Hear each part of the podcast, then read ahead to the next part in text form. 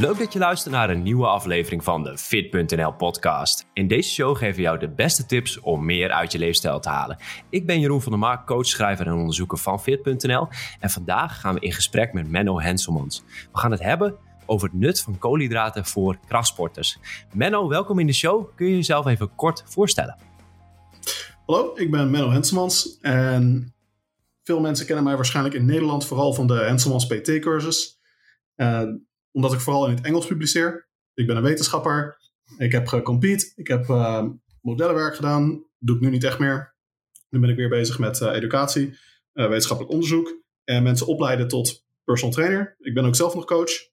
En dat ben ik nu al een behoorlijke tijd aan het doen. Oorspronkelijk ben ik Nederlands, vandaar dat ik Nederlands spreek. Maar waarschijnlijk zul je zien dat ik in het, tijdens de talk af en toe, zoals nu al, wat Engelse woorden erin moet droppen. Anders dan gaat het mis, vooral als het om baktermen gaat. Helemaal goed. Nou, geen probleem. Ik uh, zal wel een vraag stellen als het woord uh, misschien onduidelijk is voor de luisteraar. We gaan heel veel zijpaden bewandelen, maar we gaan het vooral hebben over jouw nieuwste artikel. Uh, het effect -hmm. van koolhydraatinname voor strength en performance.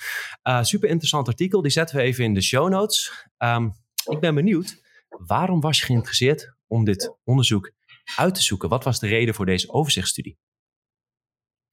de, vooral het feit dat bijna alle populaire um, opleiders of um, voorlichters van, um, van wetenschappelijke informatie en eigenlijk alle grote populaire bronnen zeg maar, van fitness het er redelijk over eens zijn, behalve als je naar de keto-paleo uh, hoek gaat, dat koolhydraten behoorlijk essentieel zijn en dat er ook heel sterk bewijs is dat een, mm -hmm. een hoog koolhydraatdieet de het beste soort dieet is voor bodybuilders, powerlifters, krachtsporters in het algemeen.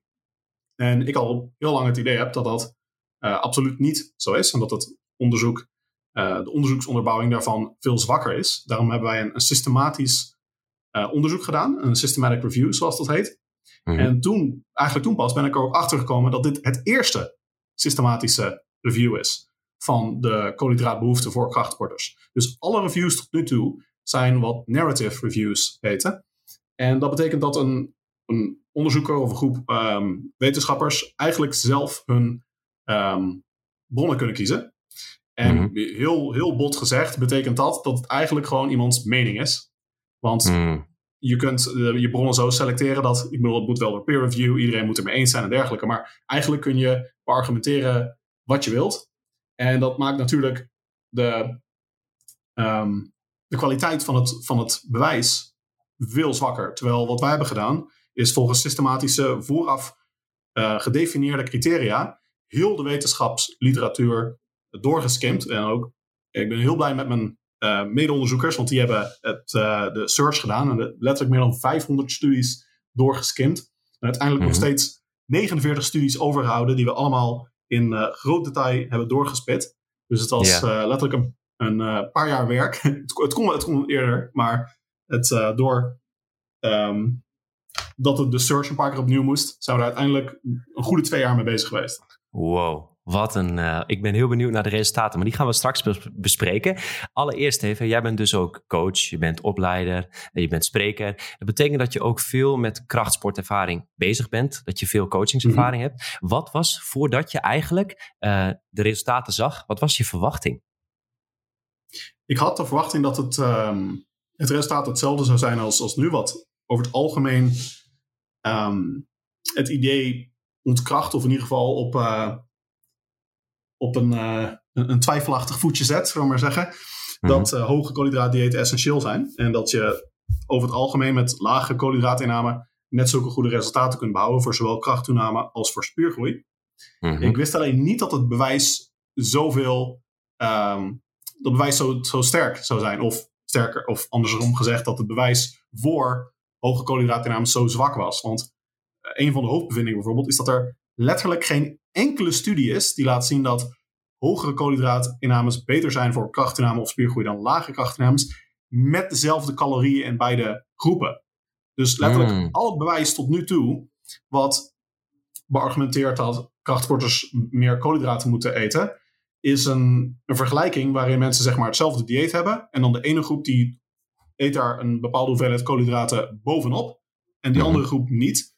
En in veel onderzoeken is het dus zelfs zo dat die andere groep heel de nacht uh, niks eet en dan s morgens vroeg bepaalde test doet en dus ook niet ontbijt. En ja, dan hebben ze beter resultaat. Maar dat kan door meerdere oorzaken komen. Met name dat ze simpelweg een hogere energieinname hebben. En dat hoeft niet zozeer koolhydraten te zijn, wat dan het resultaat heeft uh, ja. bewerksteld. Ja, nu ga ik even in de luisteraar kruipen en die denkt van ja, mooi uh, Menno, dus je moet gewoon uh, net zoveel eten, dan maakt niet uit van welke macro het vandaan komt. Is het denk je ook een onderwaarde als je kan speculeren qua hoeveelheid uh, koolhydraten die je nodig hebt voor effectieve spieropbouw of spierkracht? Dat lijkt niet echt het geval. Vooral niet als je al genoeg proteïne consumeert. er zijn ook heel veel studies met ketogene diëten. En dan heb je het echt over koolhydraatinname van soms 20, 30 gram uh, netto koolhydraat per dag. Wat dus echt heel laag is. Nou, misschien dat, het, uh, dat je als je echt carnivore gaat, dus nou, zelfs dan heb je niet nul koolhydraten, maar stel dat iemand een, een nul koolhydraat dieet zou volgen, mhm. misschien dat het resultaat dan uh, slechter zou zijn. En we raden sowieso in het paper nog wel aan dat je binnen drie uur voor het sporten minimaal 15 gram koolhydraat, netto koolhydraat, consumeert. En een redelijke hoeveelheid proteïne, zeg 20 gram voor de meeste personen. Dus we, we zeggen niet blank ehm, van koolhydraten maken niet uit. Je kunt eten wat je wilt, maakt allemaal niet uit. Ja, hey, en uh, als ik het paper goed heb gelezen, maar correct me if I'm wrong, gaat het met name om krachtsportprestaties. En als je kijkt naar de langetermijn effecten, um, als je spiermassa wil opbouwen, uh, dan kan het wel handig zijn om een grotere hoeveelheid uh, calorieën te eten. Um, gaat deze studie met name over spierkracht of includeer je ook veel over spiermassa, omdat je daar lange termijn iemand moet blijven volgen? Het gaat ook over um, lange termijn krachtopbouw. Het gaat mm -hmm. niet specifiek over spiergroei, mm -hmm. maar uh, we hebben nog een ander paper momenteel waar we mee bezig zijn, wat wel specifiek over spiergroei gaat. Daar, daar mm -hmm. moet je mhm. dan een aparte search voor doen met andere criteria. Maar ik denk dat er heel weinig verschil gaat zijn in welke studies we dan uiteindelijk um, kunnen bekijken. Want vrijwel elke studie die spiergroei uh, monitort um, of test, die test ook kracht. Want kracht is veel makkelijker om te testen.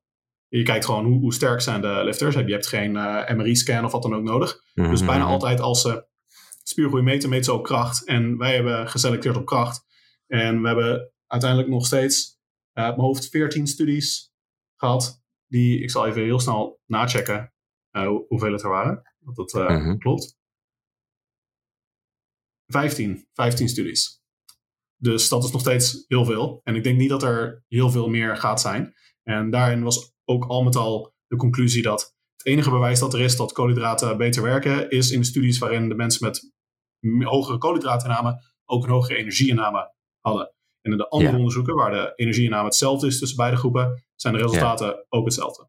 Ja, dan ga ik toch even, even weer een praktische bewandeling maken. Want er luisteren hier mensen naar die denken van ja, ik moet wel effectief spiermassa opbouwen. Als je nou even een heel, korte tip uh, zou kunnen geven. Uh, hoe zou je dan zeggen van je moet altijd op je uh, caloriebalans eten? Of zou je dan zeggen, oh, gemiddeld genomen zou ik zoveel procent boven je energiebehoefte gaan uh, zitten als je effectief spiermassa wil gaan opbouwen. Dus als je deze nieuwe inzichten weet hè, van die komende studie en van deze studie, uh, heeft het jouw advies veranderd? En wat zou je korte advies zijn als je mij zou coachen en ik wilde drie kilo spiermassa bij? Ik denk dat de energiebalans nog steeds heel belangrijk is. Uh, en dat ons onderzoek vooral laat zien dat, het, dat die energie niet noodzakelijk uit koolhydraten hoeft te komen, maar ook uit vet of nou, proteïne zou ook kunnen. Maar in de regel, als je hoog in calorieën gaat, dan wordt het vooral vet. Mm-hmm. Dat dat ook prima is, maar als je hoofdprioriteit spiergroei is, dan wil je bulken versus katten. En wat mm-hmm. betekent dat je in energie, een positieve energiebalans wilt zijn. En dan meestal heb je het over zo'n 5%, 10% um, energie surplus.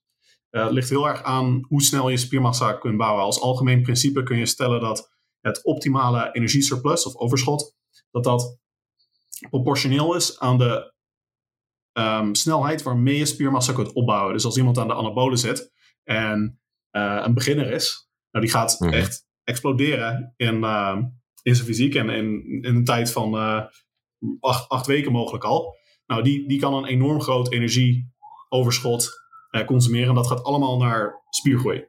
Maar voor een krachtsporter die al tien jaar traint en waarschijnlijk blij is met een kilo per jaar, dan mm-hmm. heb je het over waarschijnlijk 5%, nog niet eens 5% uh, energieoverschot, wat echt naar uh, spiergroei gaat. Want het meeste onderzoek laat zien dat als je dan meer consumeert, dan wordt de rest voornamelijk vet. Er zit nog wel, de, het gaat om ratio's, maar je kunt bijna stellen dat het zo is dat er gewoon een, een, surplus is wat je lichaam gebruikt voor spiergroei. En daarna wordt alles vet. Ja, dus je zou zeggen een clean bulk van ergens tussen de 0 en, 0 en 10 procent kan al hartstikke effectief zijn. Zeker. Ja, oké. Hey, dan ga ik even gelijk even uh, jou een uh, moeilijke vraag stellen. Want in deze studies hè, kan het zijn dat de, dat ze, dat de sporters een training moesten doen. En dat ze gecoacht werden tijdens deze training. En ik weet zelf dat bijvoorbeeld even wat extra koolhydraten voor mijn training mij een enorme boost kunnen geven. Het geeft me energie, het geeft mij een goed gevoel. En um, is het niet zo dat die sporters, omdat ze onder begeleiding stonden van externe coaches die hun reps gingen tellen, die ze gingen pushen, um, dat ze zo ver zo hard gedrukt werden. En um, als je dit vergelijkt met gewoon een situatie als ik in de gym sta en ik ga minder koolhydraten hebben, eten, maar er staat niet iemand mij uh, te pushen, dat ik niet hetzelfde trainingseffect heb. Oftewel, in deze studies geloof ik, uh, maar die wil ik tegen jou houden, dat de sporters misschien wel gestimuleerd worden op een manier wat je niet echt goed kunt simuleren als jij het echt traint en daardoor een ander effect zou hebben. Dat is een heel goede vraag. En ik denk dat daar een kern van waarheid in zit, maar dat het zeker niet opgaat voor alle onderzoeken. Er zijn namelijk ook een paar factoren die de training een stuk artificiëler maken in een lab. Uh, en in lang niet alle onderzoeken is het zo dat er iemand echt staat te schreeuwen van nog een rep, nog een rep, je kunt er nog een. Mm uh, vaak hebben ze een gelimiteerd aantal mensen wat uh, kijkt naar de, naar de sporters. Ja. meestal is er wel supervisie, maar niet eens altijd. En aan de andere kant zijn de trainingen soms heel artificieel. Er zijn bijvoorbeeld ook onderzoeken met isokinetische um, een dynamometer. Mm -hmm. uh, Nederlands, een, ik weet niet eens wat het Nederlands woord is. Maar goed, dat is een soort leg extension machine. Dynamometer. Die, um, hm? Een dynamo, dynamometer? Isometer ja, is een dynamometer. Ja. Okay. ja, denk ik wel. Als maken we er nu een Nederlands woord voor. die, um, ja, dat is heel artificieel en dan weet je ook niet hoe sterk je bent. Mm. Dus dat heeft ook weer een effect op um, iemands uh, zelfvertrouwen en motivatie. Uh, er is vaak geen muziek. Dat is ook een, uh, een, factor. En sommige mensen vinden het waarschijnlijk ook niet geweldig dat er iemand. Um, ik bedoel, je kunt het zo zien. Sommige mensen zijn gemotiveerd omdat ze in de gym zijn en ze ook weten dat ze, weet je wel, vorige keer had je acht reps, deze keer ga je er voor de negen. En in hmm. onderzoek heb je niet van dat soort benchmarks. En je training maakt voor sommige mensen misschien ook niet zo uit, weet je wel. Je doet misschien mee voor het geld of omdat boost van je studie. Hmm. Dus heb je zo van, ja, oké, okay, uh, ik doe 10 reps, uh, dat zal goed zijn. Terwijl ja. in je eigen training wist je misschien van, ik moet die 11 halen, want dit gaat om mijn gains, weet je wel. Dit gaat niet alleen maar om uh, zo'n ja, ja, studie die iemand hier aan het doen is. Dus ik denk dat dat twee kanten op kan gaan.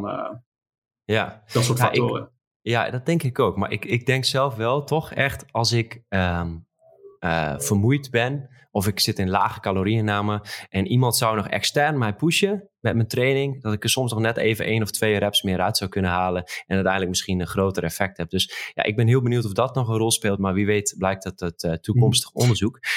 Um, dat is ook ik... uh, waar overigens, dat in, uh, ja. als er iemand is die uh, spot, dan onderzoek laat zien, als je een spotter hebt bijvoorbeeld, of als je aanmoediging hebt, of als je een PT hebt, dan presteren mensen over het algemeen beter. Uh, ja. Wat ook interessant is om te noemen waarschijnlijk, is dat we ook een paar studies hebben gevonden mm. waarin een sterk psychologisch effect zichtbaar was. Wat betekent dat het voor veel mensen mogelijk het idee is dat ze koolhydraten nodig hebben en daarom als ze koolhydraten consumeren, ze ook uh, beter presteren. Maar ja. dat dat een, een, psychologisch effect is. Bijvoorbeeld in uh, twee studies van Narudin lieten mm. ze zien dat als mensen ontbijten, voor uh, een workout, dat ze dan beter presteren. Maar dat ontbijt was in een soort van uh, gemodificeerde gels, waardoor ze niet wisten hoeveel calorieën erin zaten. Ja, je hebt gewoon een, mm. een, soort van uh, grote gel mousse ding wat je eet. En ja, dat, dat, je hebt geen idee wat het is. En ze werden verteld, ja, er zit energie in. Dus ze denken van, oké, okay, weet je wel, een soort proteïne mousse of whatever. Maar in een van de groepen zat er helemaal geen calorieën, of 21 calorieën volgens mij zaten erin. En die presteerde ah. net zo goed als de groep die wel iets van 500 calorieën in hun ontbijt. Met ook een hoge koolhydraatinname. Ja, dan zit ik waarschijnlijk in dezelfde groep dat ik mezelf aan het foppen ben. Dus dat kan het waarschijnlijk zijn, wat ik ook wel terugzie met coaching. Super belangrijk, die uh, psychosociale factoren. Laten we daar even uh, verder op ingaan, want er zijn wel een aantal uh, mount rinsing studies. Oftewel dat je bijvoorbeeld koolhydraten gaat spoelen in je mond. En dat je dan bijvoorbeeld ziet bij duursporters dat ze beter presteren en ook bij krachttraining. En daar zie je toch wel op korte termijn een bepaald effect bij kracht en met name bij duursport. Hoe plaats je dat in deze context met jouw resultaten? Ja, nou, dat gaat eigenlijk goed samen met de resultaten. Want in deze studies laten ze dus zien, en er is overigens van uh, deze maand net een nieuwe meta-analyse verschenen, die inderdaad laat zien dat al met al uh, performance over het algemeen beter is na een, een mouthrinse. Wat betekent dat als je dus bijvoorbeeld Gatorade, normaal gesproken doe je dat in je mond en dan slik je dat door. Mm-hmm. En met de mouthrinse um, spoel je zeg maar je mond en dan spuug je het weer uit. En er zijn nu meerdere studies die laten zien dat dat net zo goed kan werken als het echt consumeren van bijvoorbeeld de Gatorade of uh, uh, een, of andere, een of ander drankje met koolhydraten, cola, Gatorade, whatever. En uh, dat heeft natuurlijk voor onze resultaten ook grote relevantie. In de zin dat al die studies waarin ze iets met, met niets vergelijken, dat kan zijn omdat het mogelijk het psychologisch effect is, wat over het algemeen toch gedacht wordt dat dat mechanisme is van de malversing studies. Er zijn twee mechanismes eigenlijk die daarvoor aangedragen worden. Eén is psychologisch. En daar is het idee dat als je je malverinst met iets wat zoet is, dan heeft dat een, een positief effect op je welzijn. Want dat zoetheid heeft een, um, ja, een, is een positieve stimulus voor je lichaam. Mhm, en dat mhm. maakt je, zeg maar, het, het, klinkt, het klinkt raar als je het zo zegt in, uh, in niet-wetenschappelijk jargon, maar maakt je iets gelukkiger, zeg maar, tijdelijk. En om, over het algemeen zie je dat als mensen zich beter voelen, of gelukkiger zijn, uh, in psychologie noem je hoger af, positief affect, positief gevoel hebben, dan Mhm. zijn ze bereid om zich meer te pushen dan anders. Ja, Omdat jezelf pushen kost eigenlijk welzijn. Want je moet buiten je comfortzone moet je je pushen. Dus hoe beter je je voelt, hoe harder je jezelf kunt pushen over het algemeen. En een mouthfins laat je je beter voelen. Daarom kunnen mensen zich beter pushen. Nu is er Ja. ook wat onderzoek dat laat zien dat het mogelijk eh, effect is van eh, koolhydraten op ehm, bepaalde receptoren in de mond. ehm, die bijvoorbeeld dopamine eh, stimuleren. Dat zou een daadwerkelijk fysisch effect zijn. Maar er is weer ander onderzoek dat laat zien dat het niet eens koolhydraten hoeft te bevatten, de mouthrinse. Dus als je bijvoorbeeld iets met artificiële zoetstof consumeert, kan dat ook werken. En Ja. dan, dat ontkracht eigenlijk het hele idee dat het überhaupt iets te maken heeft met koolhydraten. Ja, ja het, draait heel veel dus om perceptie. Voor de luisteraar die dit nog boeiend vindt, we hebben een Mhm. interessant podcast opgenomen met Cas Vugs. Die gaan we er ook nog verder op in. Die staat eh, ook even in de show notes. Daar gaan we het ook al hebben over onder mount rinsing en het effect van eh, koolhydraten. Slaat grotendeels wel aan op wat jij zegt. Super eh, boeiend. Voordat we verder gaan met de aflevering, wil jij meer leren over training en voeding en aan de slag met een praktisch stappenplan en al onze trainingsschema's. Samen met mijn collega's van Fit.nl hebben we een speciale ledenomgeving waarin jij al onze cursussen over sportvoeding en training terugvindt. Hoe haal je het optimale uit je krachttraining, voedingskeuzes en hoe werkt gedragsverandering nou precies? Nou, dit leer je in de Fit Premium ledenomgeving. Te vinden op fit.nl slash start of ga naar de show notes voor de link. fit.nl slash start voor jouw stappenplan. Nu terug naar de aflevering. Uh, we hebben al een aantal resultaten besproken. Hè? Um, zijn er nog dingen die jij belangrijk vond uit deze studie, die we nu gemist hebben, wat ook belangrijk is voor de luisteraar? Um, wel mogelijk goed om context te geven dat er zijn wel um, contexten waarin koolhydraten waarschijnlijk wel positief effect kunnen hebben. Uh, dat het niet zo is van, weet je wel, het maakt allemaal niet uit. Ten eerste uh, raden we dus aan om wel koolhydraten voor het trainen te consumeren. Maar 15 gram is waarschijnlijk voldoende. Uh, en twee, de contexten waarin het mogelijk wel uitmaakt of je meer koolhydraten consumeert, zijn als je twee workouts per dag doet voor dezelfde spiergroep met een Mhm. hoog volume. Uh, mogelijk ook als je een spiergroep traint met meer dan 10 sets per ehm, spiergroep. Dus uh, 10 sets squats bijvoorbeeld, of meer. En als je kijkt naar onder de 10 versus boven de 10, dan zie je dat de onderzoeken wederom niet met gelijke energieinname, maar dan nog, uh, dat daar een sterkere trend in zit. Dat er positieve resultaten zijn van koolhydraten ten opzichte van niks. Ja. Ehm, is het niet een beetje arbitrair? 10? Ja. Is, kun je zeggen van nou, die, die grenswaarde ligt misschien ergens, die loopt lineair omhoog? Of wat verwacht je daar? Ja, dat, ehm, we hebben niet genoeg onderzoeken om daar een echte dose-response meta-analyse bijvoorbeeld uh, op te doen. Omdat we dan, dan zou je kunnen zeggen, wat een breakpoint analyse bijvoorbeeld. En dan kun je kijken, Mhm. weet je wel, bij hoeveel sets begint het nou echt een effect te hebben. Ehm, dus we hebben gewoon gezegd van oké, eh, de meeste studies zijn redelijk laag, meeste zijn redelijk hoog. Nu is er ook wat onderzoek dat ehm, meer dan 10 sets doen per spiergroep daadwerkelijk katabolisch werkt. Dus dat dat eigenlijk eh, sowieso geen goed idee is. Dus dat is ook voor ons eh, informeel en eh, enigszins een, een drive geweest. Maar ja, het is, eh, het is redelijk arbitrair. Ik denk in Ja. ieder geval dat in de praktijk is de conclusie dat dat zijn trainingen die je toch niet hoort te doen. Eh, er, zijn, er is nu meer onderzoek dat, eh, zoals ik zei, dat als je meer dan 10 sets per spiergroep aan het doen bent in één workout, dan op een gegeven moment snapt je lichaam zeg maar wat het, eh, wat het idee is. En er is een bepaalde hoeveelheid spierschade en een bepaalde stimulus. Mhm. En dan als je nog doortraint vanuit dat punt, dan doe je wel meer spierschade, maar wordt de stimulus niet groter. Want er is gewoon een limiet aan hoeveel spiergroei je in één workout kunt bewerkstelligen. En dat is ook Ja. waarom je bijvoorbeeld niet één keer per maand kunt trainen en dan een spier gewoon helemaal kapot maken. En dan eh, heel de maand lekker doorgroeien. Ja, dat was maar zo'n feestje. Dan train je één keer per maand je armen. Hey, je, je bespreekt zeg maar dan de 10 per spiergroep ehm, per training.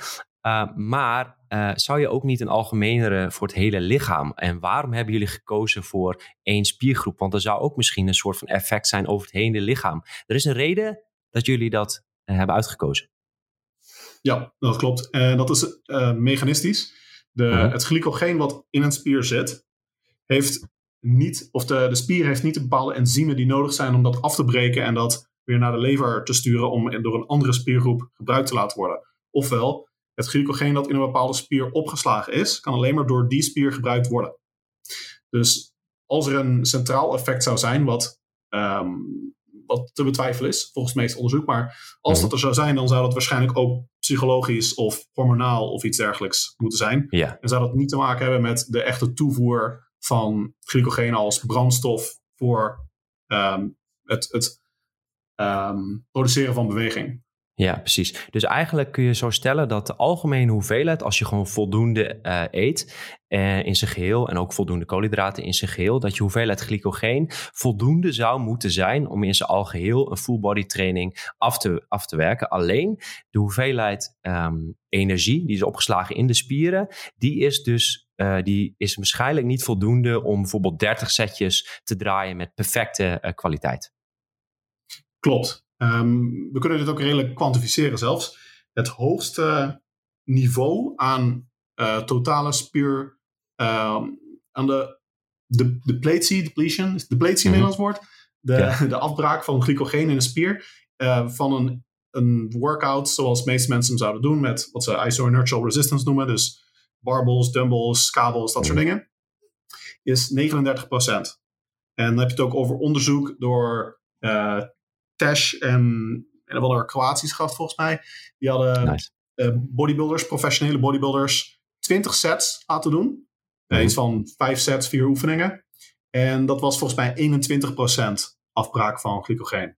Ofwel, je kunt stellen dat je voor de meeste mensen genoeg glycogeen hebt in je spieren, in theorie, om zo'n 5 workouts te draaien. Maar, grote maar, wat er gebeurt als je in één workout dat probeert te doen, dan ondanks dat er wel genoeg glycogeen in de totale spier zit, hebben de type 2 spiervezels waarschijnlijk niet genoeg glycogeen. En dat is de reden dat je uh, toch gelimiteerd wordt, waarschijnlijk, als je zegt 20 sets. Uh, um, nou, in die studie dan waarschijnlijk niet, maar mogelijk als je dus zo'n 20 sets per spiergroep uh, doet in één workout, dan is het probleem mogelijk dat de type 2 vezels, of sommige type 2 vezels, yeah. het eerste door hun glycogeen gaan en die daarna niet meer goed kunnen activeren.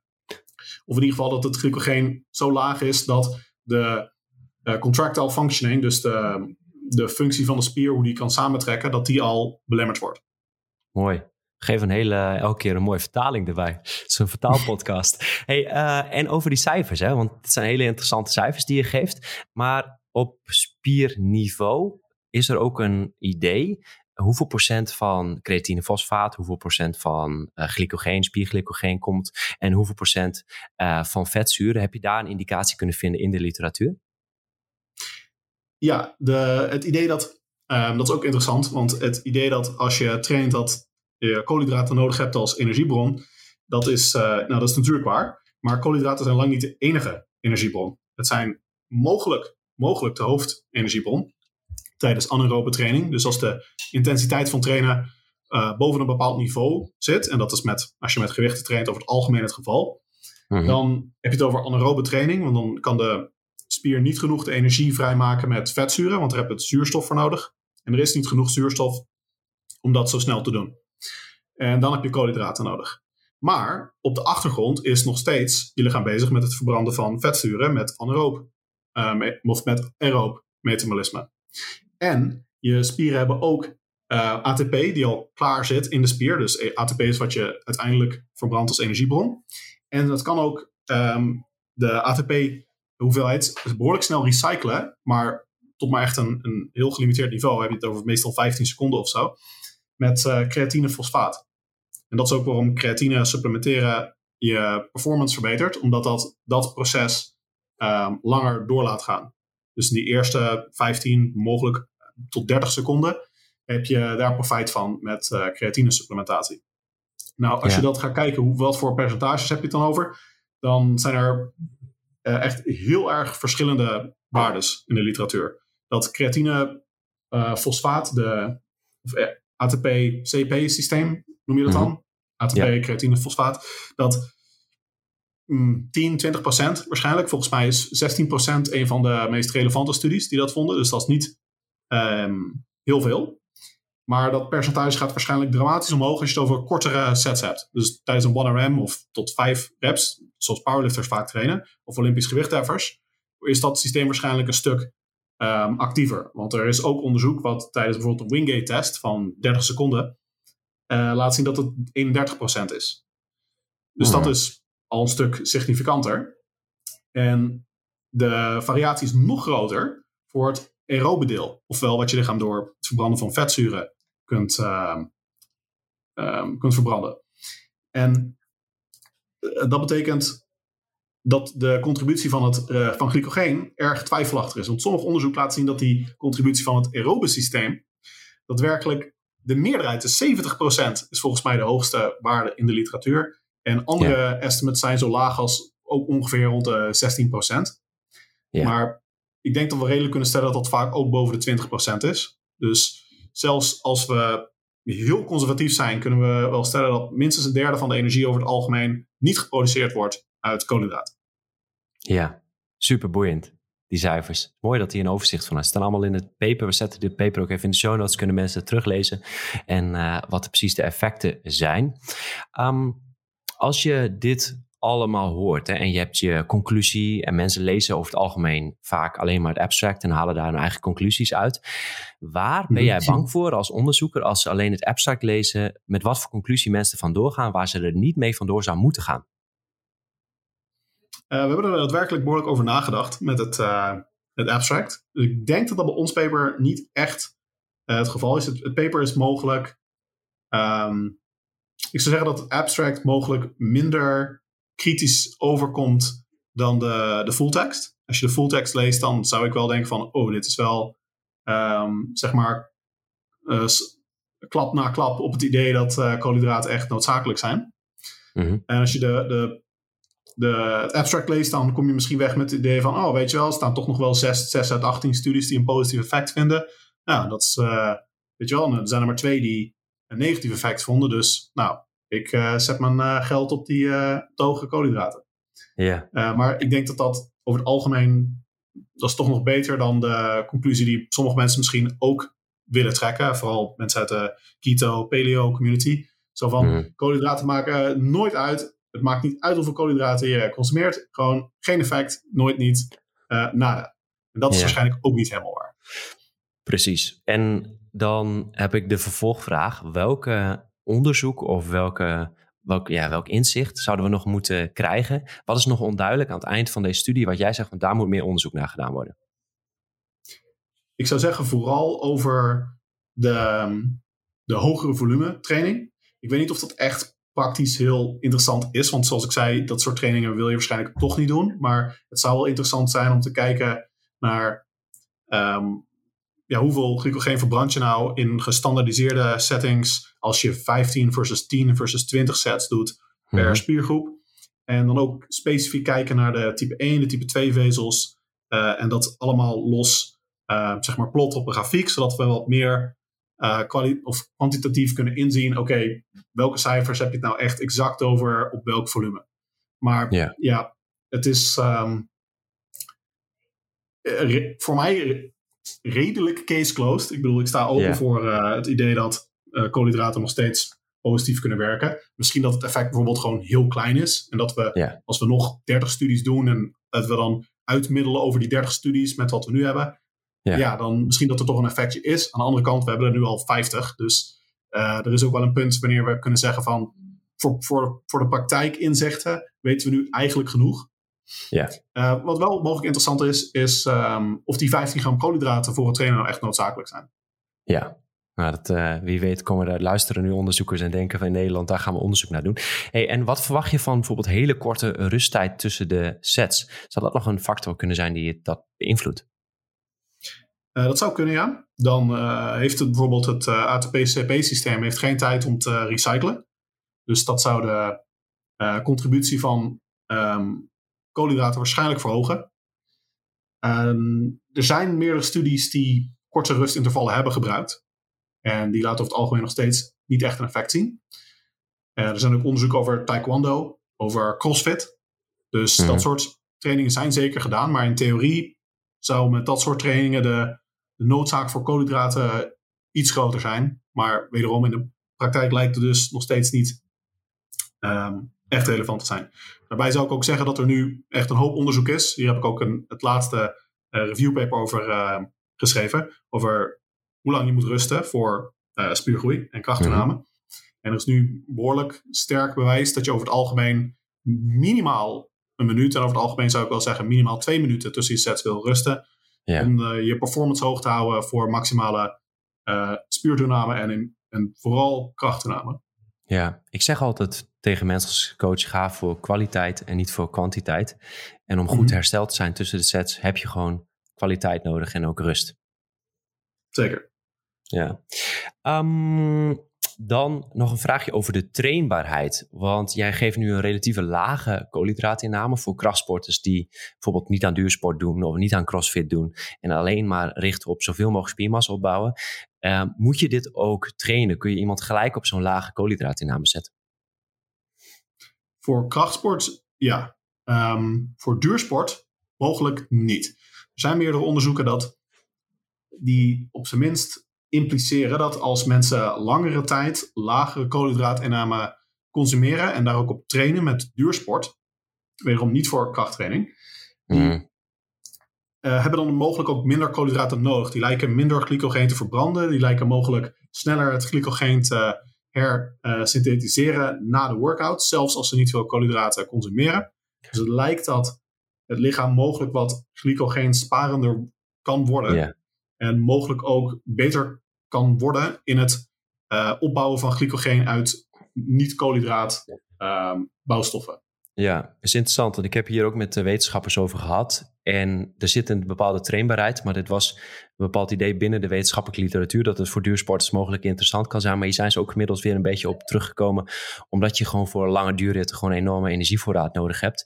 En dat je Mhm. die piekintensiteit mist als je te veel gaat leunen op eh, die vetzuren. Vooral aan het einde van de, bijvoorbeeld Tour de France. Als je nog een sprintje wil zetten. Ja, dan gaat het niet lukken met die vetzuren.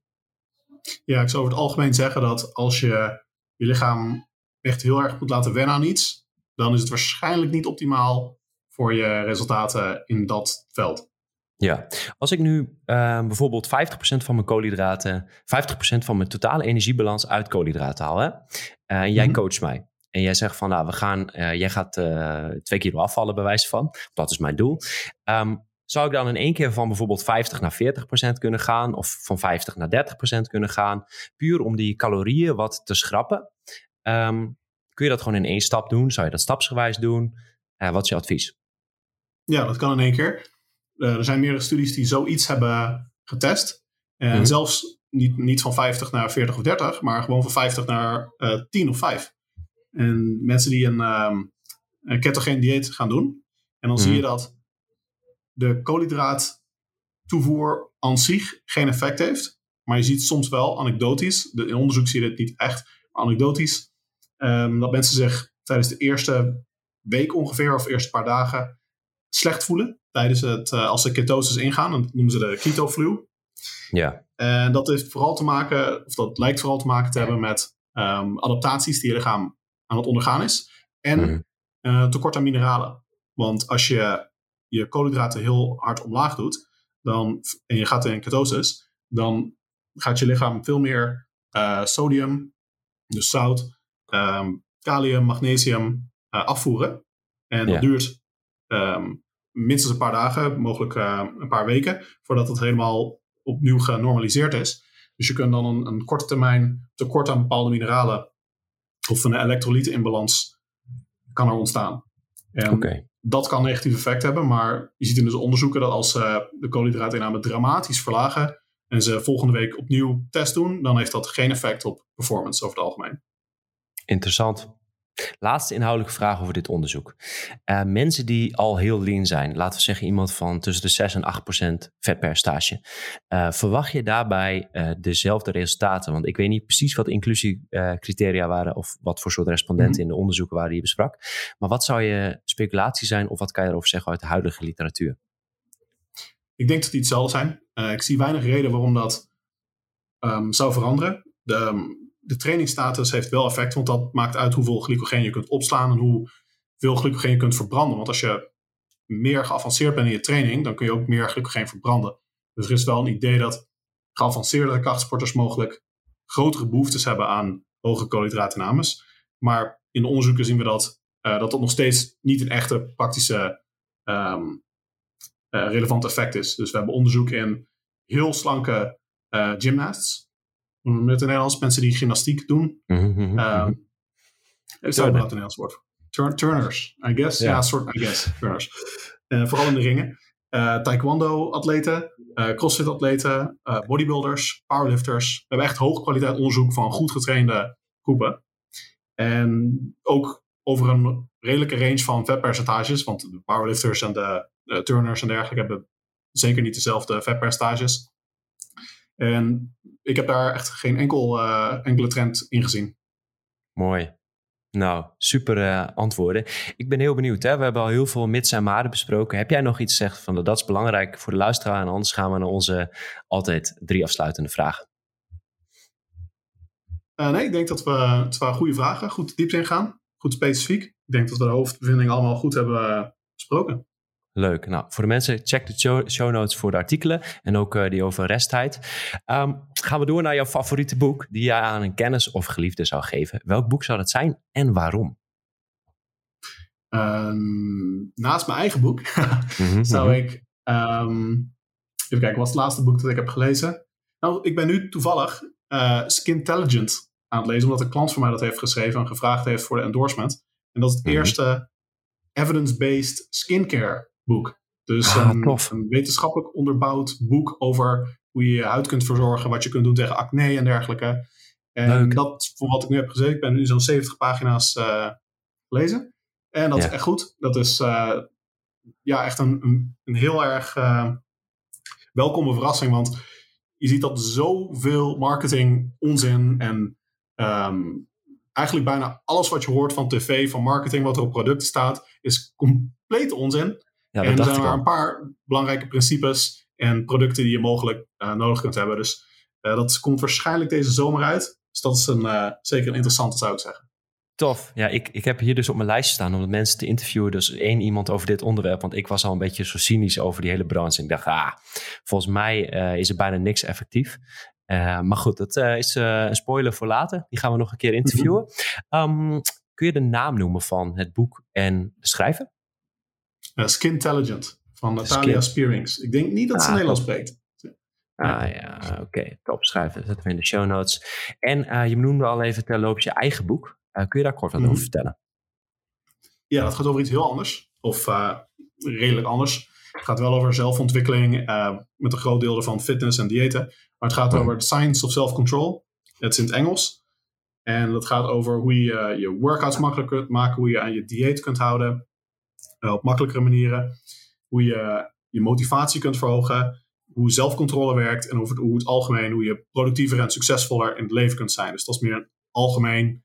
Um, nou ja, self-help is niet een term die ik uh, um, echt waardeer, want dat zijn meestal heel erg uh, beetje spiritueel-achtige, ja, een beetje spiritueel-achtige boeken voor, um, ja, voor een andere doelgroep. Maar dit is een, echt een wetenschappelijk onderbouwd uh, boek met meer dan 500 wetenschappelijke referenties, waarin ik gewoon heel praktisch, concreet uiteenzet ja. van wat ik aanraad, hoe je een optimaal leven kunt leiden, komt eigenlijk ja. neer. Oké, en je hebt dus heel veel studies bestu bestudeerd. Wat waren de één of twee dingen die je kunt delen, waardoor mensen enthousiast worden en een soort inzicht wat, wat jij kreeg uit de literatuur? Ik denk dat een heel groot inzicht is dat het niet zo belangrijk is hoeveel zelfcontrole je hebt. Mm -hmm. En dat het veel onderzoek laat zien dat mensen met meer zelfcontrole vaak minder gebruik van maken. Dus er is, wat natuurlijk altijd met dit soort boeken een groot idee is, is oké, het gaat om zelfcontrole. En dan, ah, sommige mensen hebben simpelweg meer zelfcontrole dan anderen. En mm. daarom zijn ze succesvoller. Maar je ziet dus dat het gebruiken van zelfcontrole helemaal niet um, geassocieerd is met succes. Succesvolle mensen zijn over het algemeen gebruiken juist minder zelfcontrole en zijn slimmer met de planning en de structureer van, uh, structuur ja. van hun leven.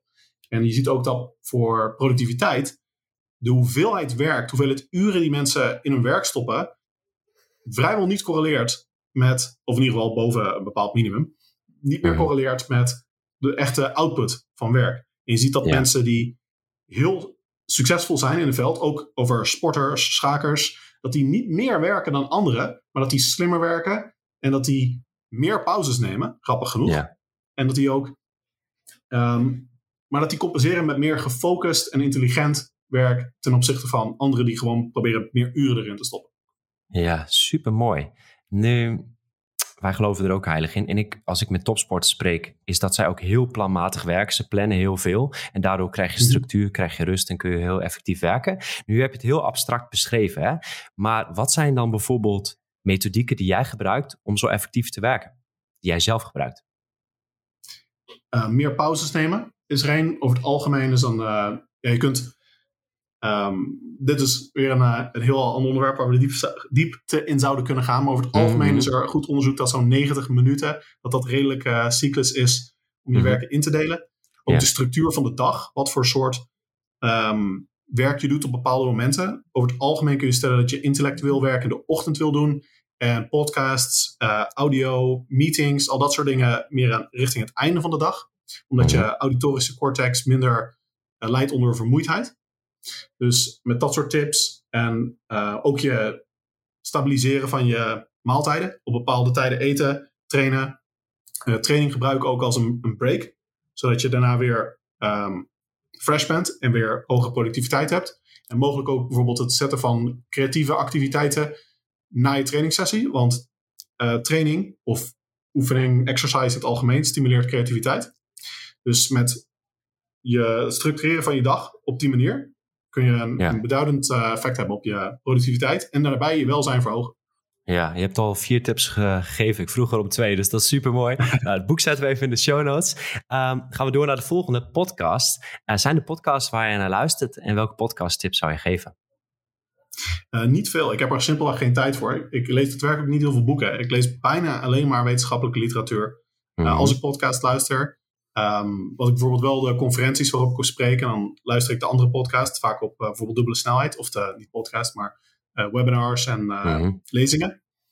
maar verder heb ik simpelweg bijna geen tijd voor enige um, dingen verder. Ik heb gewoon dus de wetenschappelijke literatuur en mijn klanten en ik heb mijn social media al. En verder komt er gewoon niks tussen. Ja, dus er komt eigenlijk ook nog een tip uit, gewoon focus. Jij focus je gewoon op de belangrijkste dingen. Ja. Ja, alright. En laatste afsluitende tip. Als je onze luisteraars één tip zou mogen geven in de brede zin van het leven, welke zou dat zijn? Eén uh, tip over het leven in het algemeen. Ja, klinkt ook weer zwaarmoedig, een beetje spiritueel.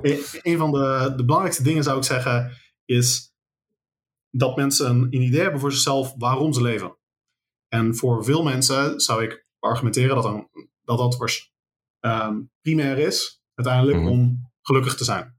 En als je dat je leven bekijkt met, met die mindset, dan zie je dat heel veel beslissingen al heel anders worden. En dat er, nou, een cliché bijvoorbeeld is het verschil tussen geld en geluk. Mhm. En ik denk dat mensen dat vaak heel erg snappen als je dat vertelt. denk ik, ja, de, dat, dat, is heel erg. Maar mensen die dit voor zichzelf niet zo erg in een kader hebben gezet met het idee van, oké, weet je wel, dit is mijn levensdoel, ik wil gelukkiger worden. Dat ze heel veel beslissingen uiteindelijk toch niet overwegen met die lens. Ja, mooi. Ja, het klinkt abstract, maar als je er wat dieper over na gaat denken, dan is het wel echt een uh, hele waardevolle tip. Ik wil je heel erg bedanken voor de antwoorden, voor het overzicht. Het is voor mij een stuk duidelijk. Er was ook een stukje wetenschapsles. Dus uh, ja, Menno, super bedankt uh, voor de informatie. Geen dank. Leuk dat je hebt geluisterd naar deze aflevering. Voordat je weggaat, wil je meer informatie? Bekijk dan even de show notes voor de besproken links en artikelen. En vind je de show waardevol? Deel dan deze aflevering met je vrienden, familie of via social media en tag FitNL, want dan zien wij het ook terugkomen in onze feed. En dit helpt ons enorm om nog meer mensen te bereiken met kwalitatieve, wetenschappelijke en vooral praktische handvaten om meer mensen in Nederland te helpen met hun leefstijl, keuzes en training. Genoeg voor nu. Thanks voor het luisteren en tot bij de volgende aflevering.